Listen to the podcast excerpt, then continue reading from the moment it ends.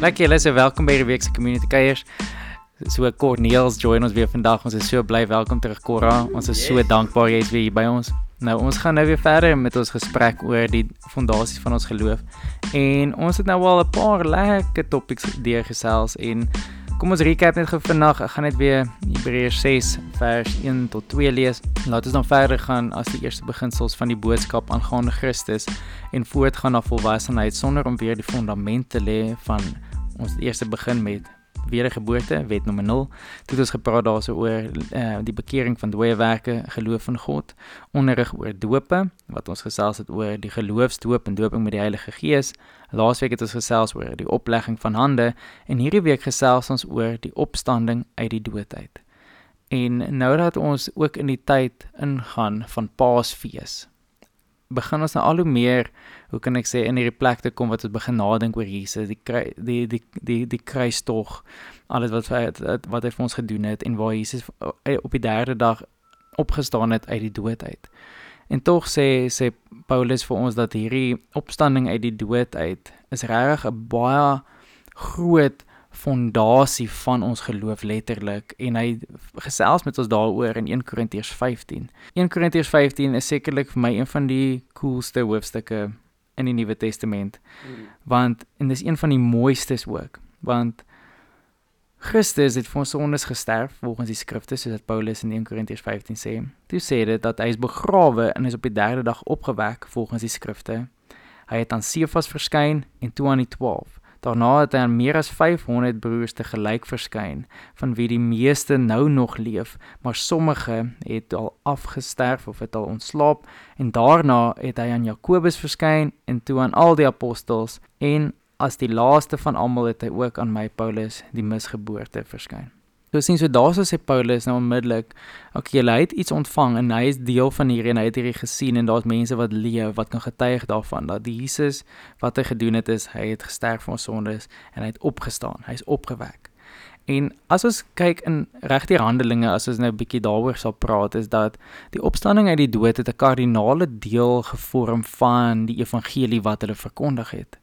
Maar deesdae sit ons nie so 'n groot klem op die opstanding uit die dood uit as wat hulle in Handelinge gepreek het nie. Ons ons baie groot klem is op die die kruisdood van Jesus en wat by die kruis gebeur het. Maar as dit nie vir die opstanding was nie, dan maak dit nie saak wat Jesus vir ons gesê het hy gaan doen nie, want dan was hy net 'n mens gewees wat vreemde goed gepreek het en hy's dood. So what? Maar toe het God hom uit die dood uit opgewek en dit het massive implikasies toe gehad. En ons lees in Handelinge 17 onder andere sê Paulus dat die feit dat God vir Jesus uit die dood uit opgewek het, het God hom aangewys as regter of as judge oor die lewend en die dooies en so aan. So dis nogals major. Nou ek wil hê om kom ons gesels bietjie oor hierdie hierdie skuif in in ons kerk gesprekke rakende fokus eerder op die kruis in plaas van op die opstanding. Nou Cora sal hê vir ons 'n bietjie daarop uitbrei. Wel ek dink 'n uh, interessante ding Herman is dat as 'n mens kyk na hoe ons praat. Kom ons kyk net hoe praat gelowiges. As mense byvoorbeeld gaan om die evangelie te deel, sal hulle sê jy moet weet Jesus het vir jou aan die kruis gesterf. Nou, daar's niks fout met daai stelling nie. Dis absoluut die waarheid. Maar die vroeë kerk sou nie so gepraat het nie. Die vroeë kerk het baie meer klem gelê op die opstanding en ek dink dis dalk dis 'n vreemde fenomeen wat oor die laaste paar eeue verander het half in die kerkwêreld. Dis asof opstanding het so 'n uh, feit geword dat ons begin om te vergeet wat ons regtig sien. Dis soos om by die see te bly en jy sien nie meer die see raak nie. Kyk, as ons besef Daar is letterlik duisende ter duisende mense oor die eeue heen gekruisig. En die rede hoekom die Romeine die kruisiging gebruik het, is omdat die kruisiging hou die veroordeelde so lank as moontlik lewend terwyl die persoon gepynig word. En dit op die einde van die dag is dan 'n afskrikmiddel. Dis die Romeine en hulle het dit vervolmaak om mense so lank as moontlik lewendig te hou en hulle te straf en daardeur te sê so straf Rome. So met alle respek gesê, ja, Jesus is gekruisig. Maar daar is ook duisende der duisende ander mense wat ook gekruisig is. So dit is 'n geskiedkundige feit dat mense gekruisig is. Maar die feit dat Jesus sy eie dood voorspel het en sy eie opstanding voorspel het en dat hy fisies uit die dood uit opgewek is, daai is massief en ek dink dit is nodig dat ons weer net besef wat dit is. En dis die vraag. Ek gooi hierdie vraag in. Die kruis. Baie dinge het gebeur as gevolg van die kruis. My vraag is as Jesus gekruisig is, maar hy's nooit uit die dood uit opgewek nie. Wat dan? Wat beteken dit? Sê nou Jesus was gekruisig, maar hy's nooit uit die dood uit opgewek nie. Maak dit 'n verskil? Of is daar 'n kardinale belangrike geloofsfondasie en dit is hoekom dit in Hebreërs 6 genoem word. Ek antwoord eintlik klaar die vraag. Wat wat beteken die opstanding regtig? Maar ja, wat dit sommer net ter inleiding gesê het. Ek dink ook as jy kyk, jy stap in sekere kerke in Europa in, wat sien jy? Jy sal 'n kruis sien. Jy sal 'n kruis sien. Wat dra mense om hulle nekke? 'n Kruisietjie as mense tattoos moet kry ons weet ek en Michael de Beer spot altyd moenie tatoo kry behalwe as dit 'n kruis is met 'n Bybel veg nee ek spot sommer maar ja so dis 'n kruis ek bedoel selfs die bediening waarby ons betrokke is is kruispunt verstaan ons in ons taal en ons denke die die kruis is die simbool maar maar is dit is dit teologies akkuraat uh, ek's nie besig om te sê kruispunt moet die naam verander of ons moet ophou kruise dra whatever nie daar was as jy vat in die reformatie tyd was daar regtig mense wat so erg oor dit gevoel het dat hulle ophou kruise dra het en al die klas van goed. Maar ek dink die punt is net die aanvanklike kerk glo ek het 'n baie groter klem geplaas op die opstanding van Jesus as op die kruisiging van Jesus. Maar ja, ek gaan daar eers net stop. Ek wil iets bygooi, Cora. Ek dink as jy dink nou aan simbole, jy weet Rooms-Katolieke Kerk voor die groot reformatie van bietjie meer as 500 jaar terug, was die simbool amper 'n stappie terug in jou teologiese ehm um, ontwaking rondom hierdie fondasie. Dit was die simbool van Jesus wat steeds op die kruis ah, hang. Presies, presies. Jy weet wat dit wat dit wat dit amper 'n stappie terugvat om te sê, jy weet die die simbool is amper die, ja definitief ek dink die luisteraars baie mooi hoor ons is nie besig hier om die, hmm. om die kruisdood af te maak nie. Maar ons is besig om die kruisdood in konteks van die opstanding te herstel hmm. want dit is sy ware posisie. Ehm um, so ek ek dink maar net daai hoe amazing sal dit wees om te sien dat die kerk gegaan het van Jesus wat nog op die kruis is as die primêre simbool na okay die kruis is die primêre simbool in die sin dat Jesus is daarom nou van die kruis af maar okay kom ons kom by die waarheid soos die vroeë kerk geweet het. Die fokus is Jesus is opgestaan. Dis die resurrected Jesus wat die krag vir die kerk um, beteken het. Dis dis waar die hele revelation van Johannes uitkom. Die vroeë kerk is so gepersecute en en onder hierdie absolute magdom van ehm um, net net persecution onderwerp dat toe Johannes op die toneel skyn met die boek van Openbaring was die kerk soos prys die Here hy leef nog. Hy is opgestane. Hy sit aan die regterhand van die Vader. Ons kan hoop ons kan vertrou. Hy is die perfekte lam wat geslag is. Hy is die een wat die scrolls kan oopmaak. Hy is die een wat hierdie ding volbring het. En dit was die opgestane realiteit nie die kruisdood nie, die opgestane realiteit wat hierdie kerk in hierdie absolute donker tyd van persecution gesê het ek sal my lewe gee vir. Dis waaroor die hele disippels hulle lewe gee het en ek verneem nog 'n bietjie kuier oor 1 Korintiërs 15. Hmm. En dit is so cool wat jy sê Rudolf en ek ek love dit so want dit is presies wat 1 Korintiërs 15 sê, soos soos wat jy nou genoem het ons ons bietjie kan na kyk. Um want 1 Korintiërs 15 vers 16 sê for if the dead are not raised not even Christ has been raised. And if Christ has not been raised, your faith is futile and you are still in your sins. Then those who have fallen asleep in Christ have perished. If in Christ we have hope in this life only, we are of all people most to be pitied. En ek love dit net so hoe, hoe Paulus hier skryf en hy sê die opstanding van Jesus is direk eweredig aan vergifnis van sondes. Want dink gemoed daaroor. As ons kyk, Jesus het 'n klomp goed gesê. Jesus het gesê ek gaan jou sonde vergewe, né? Jesus het gesê ek gaan op 'n kruis sterf en ek gaan weer opstaan 3 dae later. So as Jesus gesê het, "Hey, ek gaan actually op 'n kruis sterf, ek gaan doodgaan, ek gaan 3 dae later opstaan" en hy het dit gedoen, dan is dit aansienlik makliker om hom te vertrou dat hy kan sonde vergewe want hy kan fisies uit die dood uit opstaan. En dit wat 1 Korintiërs 15 so mooi maak, is net Jesus het claims gemaak wat opstanding in die dood een van dit was en hy het dit fisies bewys.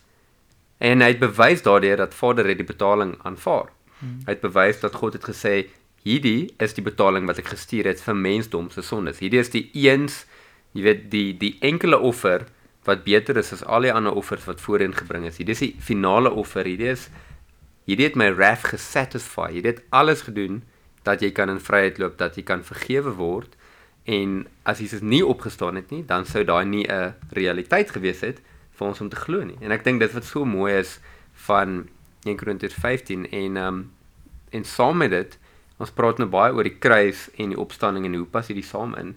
En en ons het voor die tyd gou 'n bietjie gepraat en en Rudolf het jy iets mooi gesê. Jy het ook gesê as ons heeltyd vaskyk in in die kruis en vergifnis van sondes, maar ons kom ook nooit by die punt dat Jesus het opgestaan en hy lewe en deur sy gees lewe hy in ons as jy as jy weergebore is. As ons daai mis, gaan ons net die heeltyd dink, jy weet ek moet nog iets kruis toe vat. Ek moet net weer vra vir vergifnis. Ek moet net en ek meen ek het so gelewe voor ek weergebore was. As ek onthou ek het geweet Jesus kan my vergewe, maar ek het nooit geweet o ek kan nou in 'n nuwe lewe opstaan saam met hom en actually nie leef vry van sekere goed nie. Want ek dink nie as mens nie daai krag besef nie en ek dink dit waar die kruis en die opstanding bietjie jy weet Romeine 6 praat ook van die dood en die opstanding saam met Jesus hmm. en as jy weergebore word dan gaan jy dood saam met hom en jy staan op saam met hom. Hmm. So opstanding meer as net jy weet 'n bewys dat Jesus God was en eg was in wat hy gesê het, is ook prakties dit het 'n praktiese implikasie vir ons lewe elke dag. Want dit beteken ons kan saam met Christus in 'n nuwe lewe opstaan wat net vir my ook sommer so so cool is. Ek kry nou 'n prentjie terwyl ek sit en dink wat net een aspek weer eens bevestig van hoe sterk die opstanding is.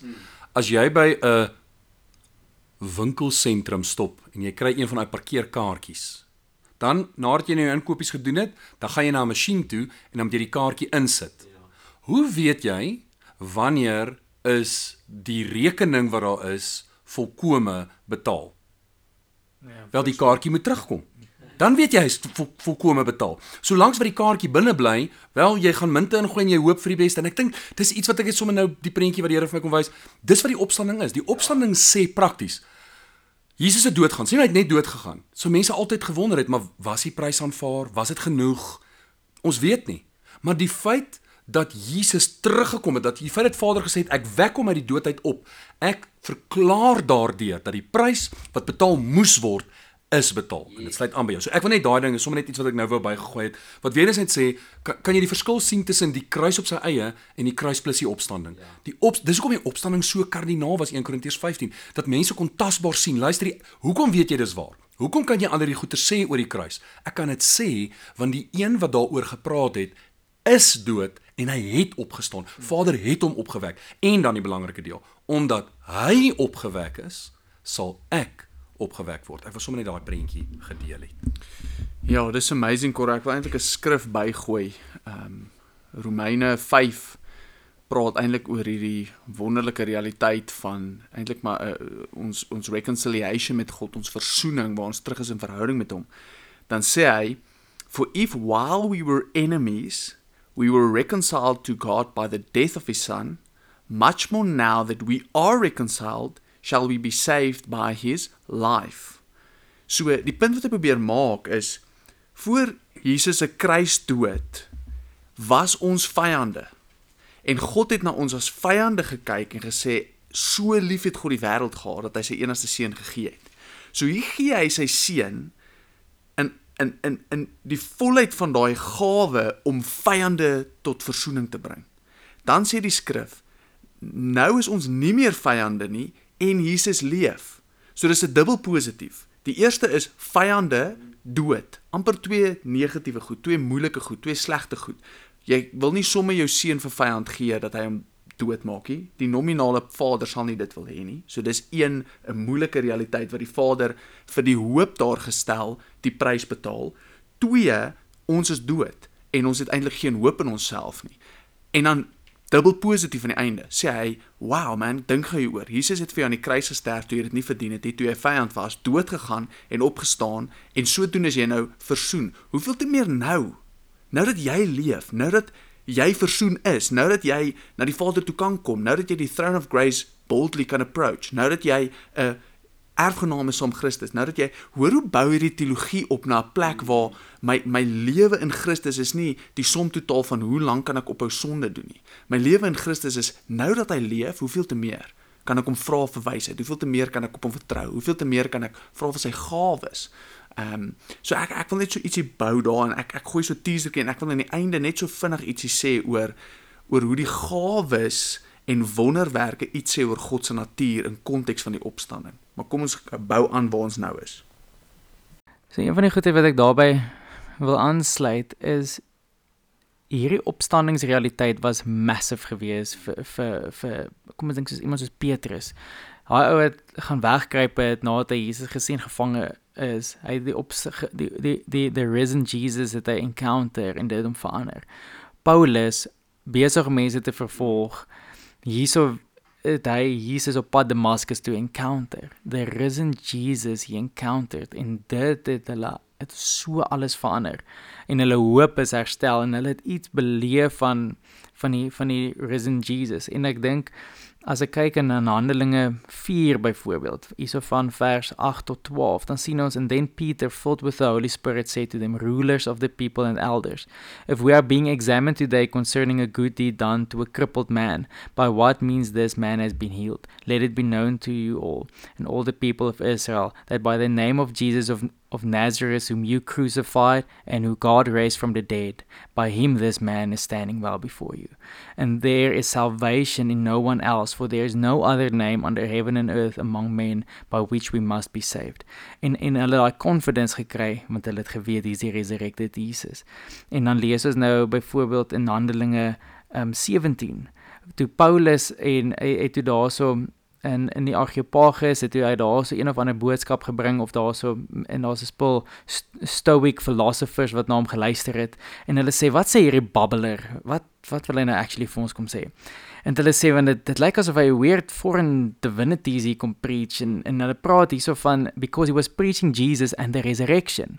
So hy het hulle gehaak deur te praat van hierdie hierdie persoon wat op die dood het opgewek het. En en hulle het hom toe gevat hy took him and brought him to the Areopagus and they said Hulle wil meer weet van hierdie weird teaching wat hy het. En hy begin te vertel vir hulle alles wat aangaan, maar die oomblik wat hulle hulle het aanhou luister, aanhou luister, aanhou luister, maar die oomblik wat hulle of begin mok het of baie begin glo, is toe hy die volgende gesê het. En hierso sê hulle aan die einde The times of ignorance God overlooked, but now he commands all people everywhere to repent, because he has fixed a day on which he will judge the world in righteousness by a man whom he has appointed, and of this he has given assurance by all by raising him from the dead. Now, when they heard of the resurrection of the dead, some mocked, but others said, We will hear of you again about this. En daar is net vir my weer eens daai resurrection of the dead. Dit klink so belaglik, maar dit het sulke groot implikasies daar.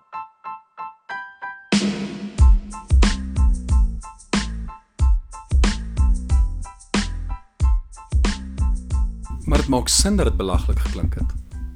Dink gou mooi daaroor. Ons is almal quasi ingenieurs ook wat hierso sit.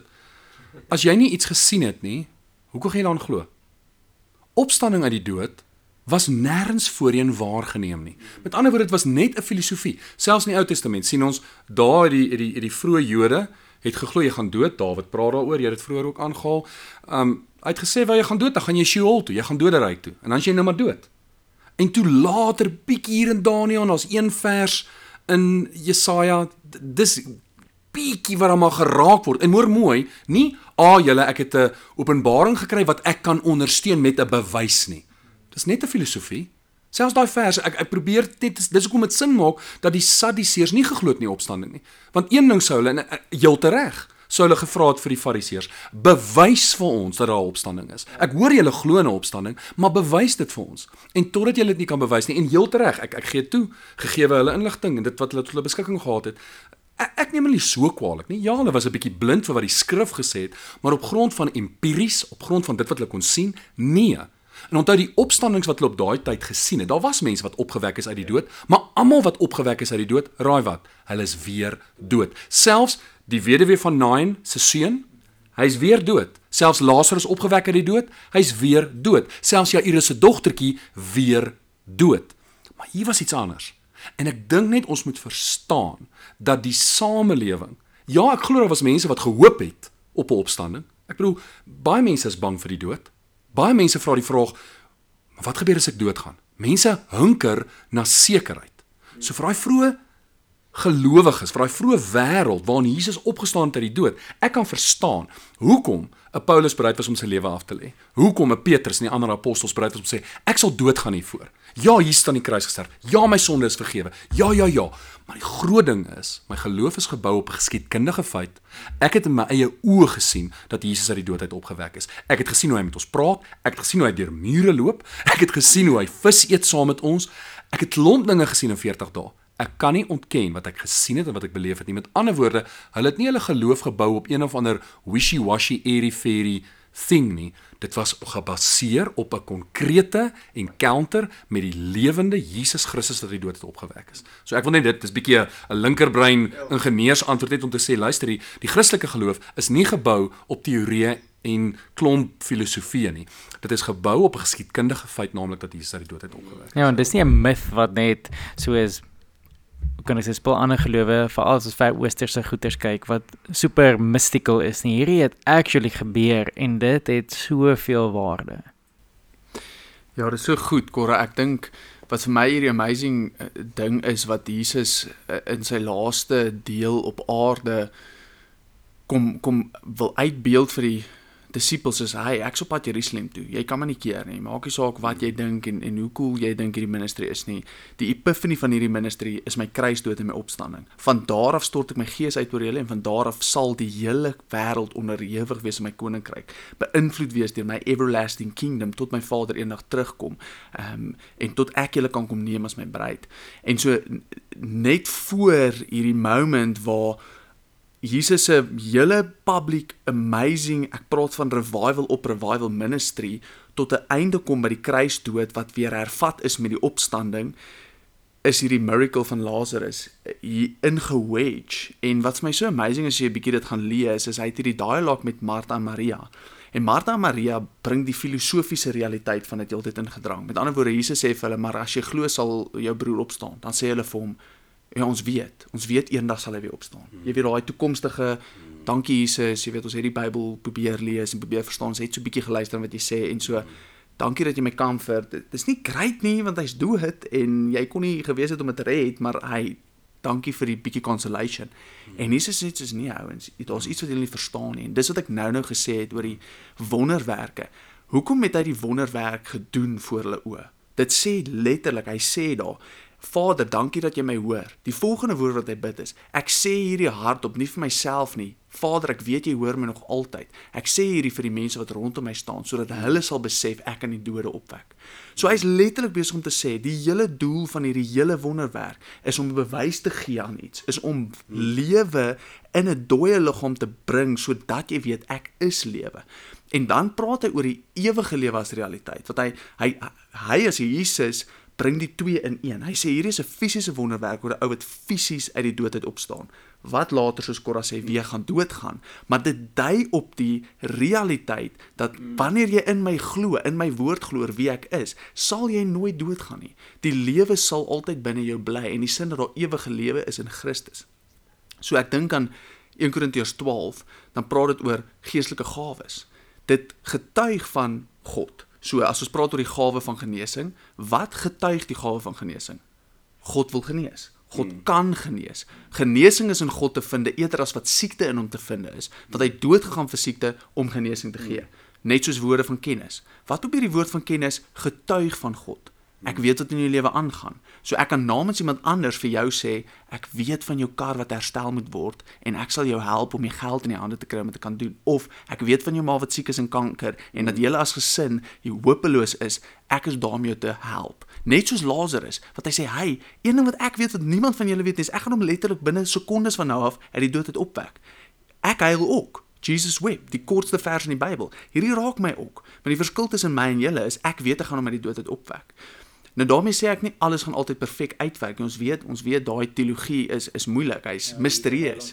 Hier terwyl ons lewe, daar's 'n misterie rondom dit, maar wat ek probeer sê is die gawes van die Gees waarvan wonders en fisies mense uit die dood uit opwek is 'n getuienis van die waarheid te vind in God dat in hom is lewe, in hom is genesing, in hom is daar 'n aanvaarding selfs in moeilike tye.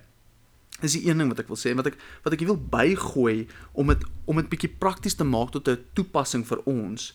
Ehm um, Paulus is hier besig om te skryf in 1 Korintiërs 15, dan sê hy hy skryf hier in 1 Korintiërs 15 in die konteks van die opstanding uit die dood uit nadat hy die punt probeer maak sê hy boys Hierdie is super belangrik. Inteendeel, dis so belangrik dat as ons nie saamkom dat hierdie 'n fondasie is van jou geloof nie, kan jy jou hele geloof los.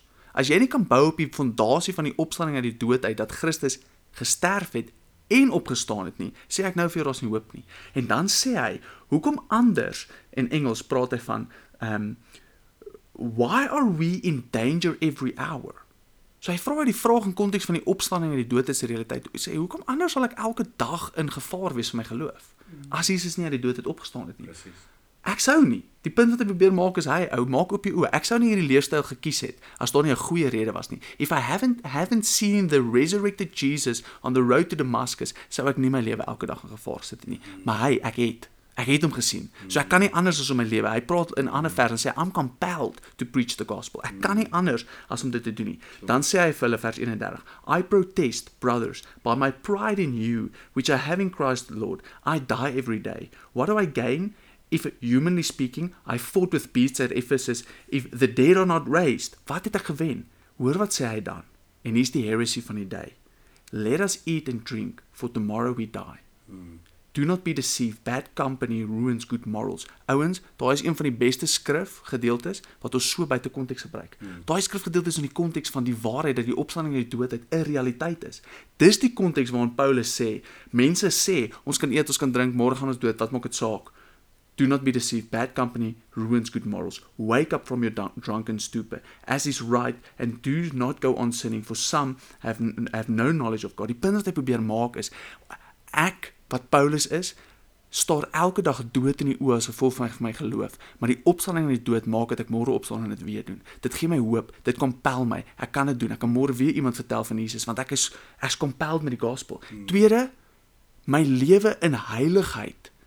Die opstanding uit die dood as 'n realiteit help my om heilig te lewe, yeah. Ja. want ek kan nie rus by 'n filosofie dat ek eintlik kan doen wat ek wil op aarde nie. Mm. Ek kan nie rus daarby nie want ek weet Jesus het opgestaan uit die dood uit. Mm. Daarom weet ek die opgestane Jesus gaan almal in geregtigheid oordeel oor hulle lewe op aarde in geloof en konteks van hom as Jesus, nie in geloof en konteks van ons dooie werke nie waaroor ons lekker gepraat het. Maar hy sê ek kan nie anders. Ek kan nie anders, ek kan nie rus by 'n filosofie dat ek is my ou ek is my eie, jy weet my eie god en ek kan kies wat ek wil terwyl ek leef nie. En en hy probeer eintlik vir hulle sê, ouens, as jy hulle die die opstanding uit die dood uit herstel vir die ware posisie wat dit moet neem, sal jy 1 hoop en Christus selfs in die moeilikste tye. 2 jy sal 'n powerful gospel driven lifestyle hê en 3 mm, ja. jy sal heiligheid pursue. Jy sal heiligheid pursue want jy weer as 'n opgestane Jesus. Amen.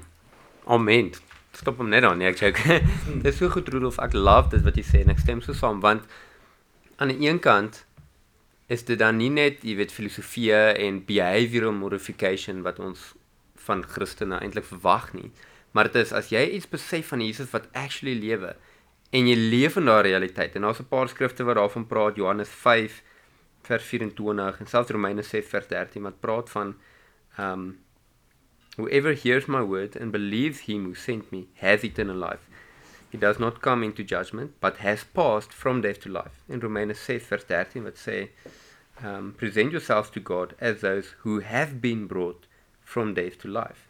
So dis so mooi daar's daar's hierdie realiteit van ons lewe in 'n verhouding met 'n lewendige God wat beteken ook daar kan goed so signs and wonders gebeur soos wat Rudolf nou genoem het, maar daar's 'n realiteit wat anders is as ons daaglikse re realiteit. En jy het dit so mooi gesê wat jy sê dit gee vir jou 'n rigting, dit gee vir jou endurance, dit gee jou motivering om aan te hou vir Jesus lewe, om aan te hou mense lief hê, om aan te hou minister, om aan te hou die gospel verkondig en om aan te hou met sekere goeders wat jy nie sou doen as daar nie 'n realiteit is daarvan nie.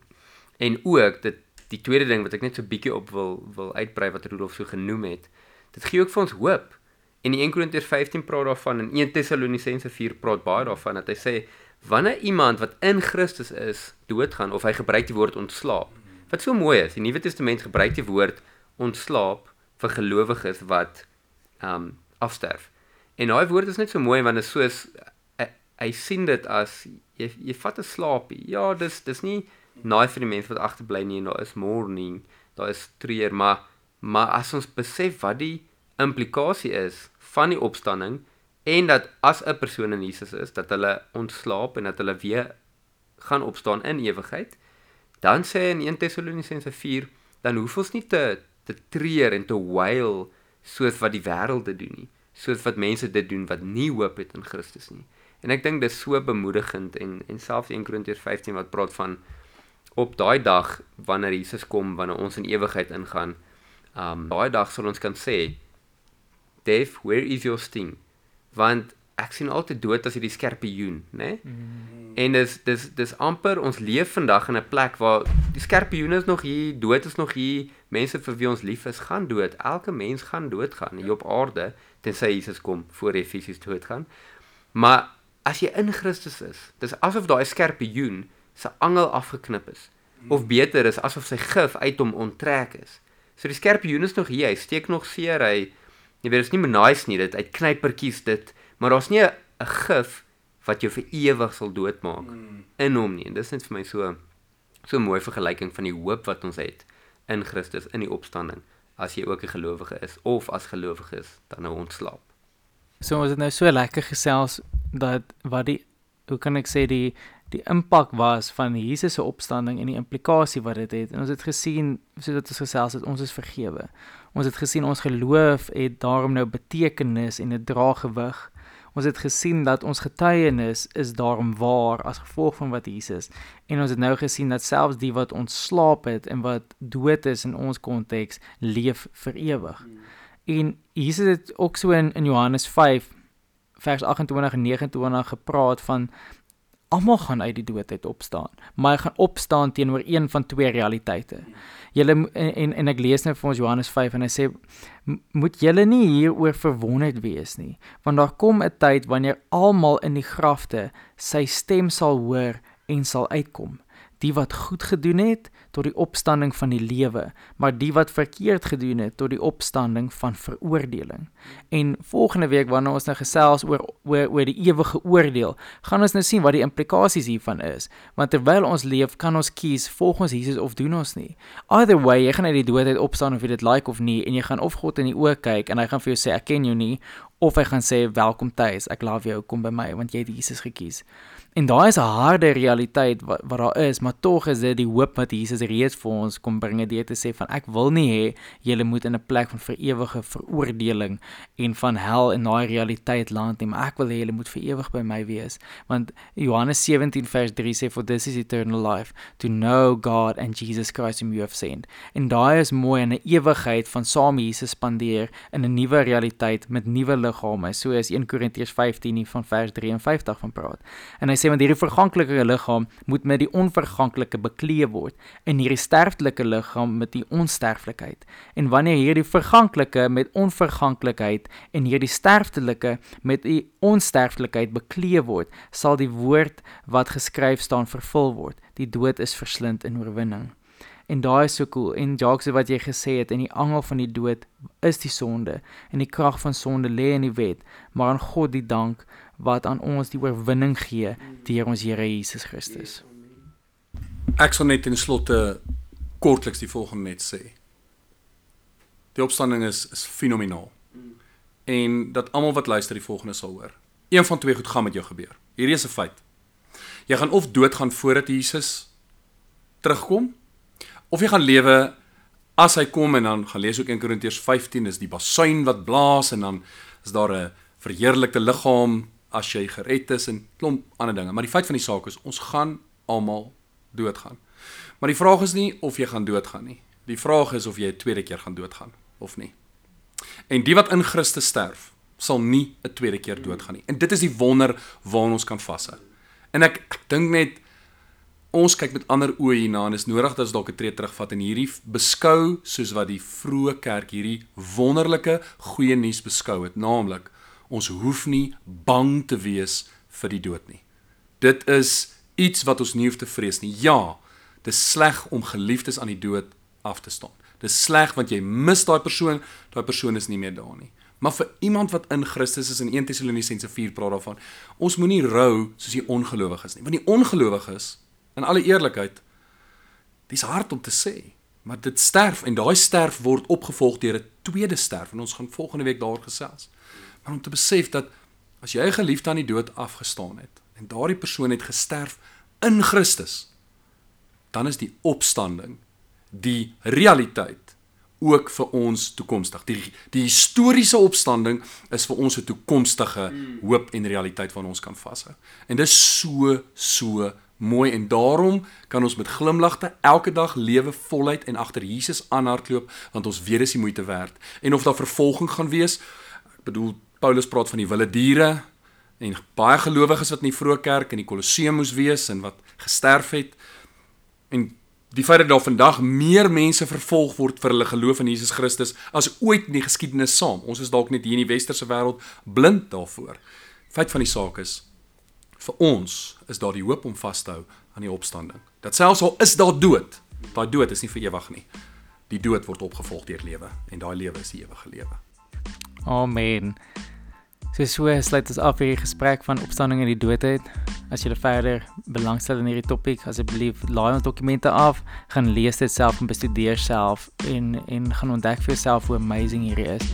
Join ons weer volgende week wanneer ons verder gesels oor ewige oordeel en dan sien ons julle weer. Bye bye.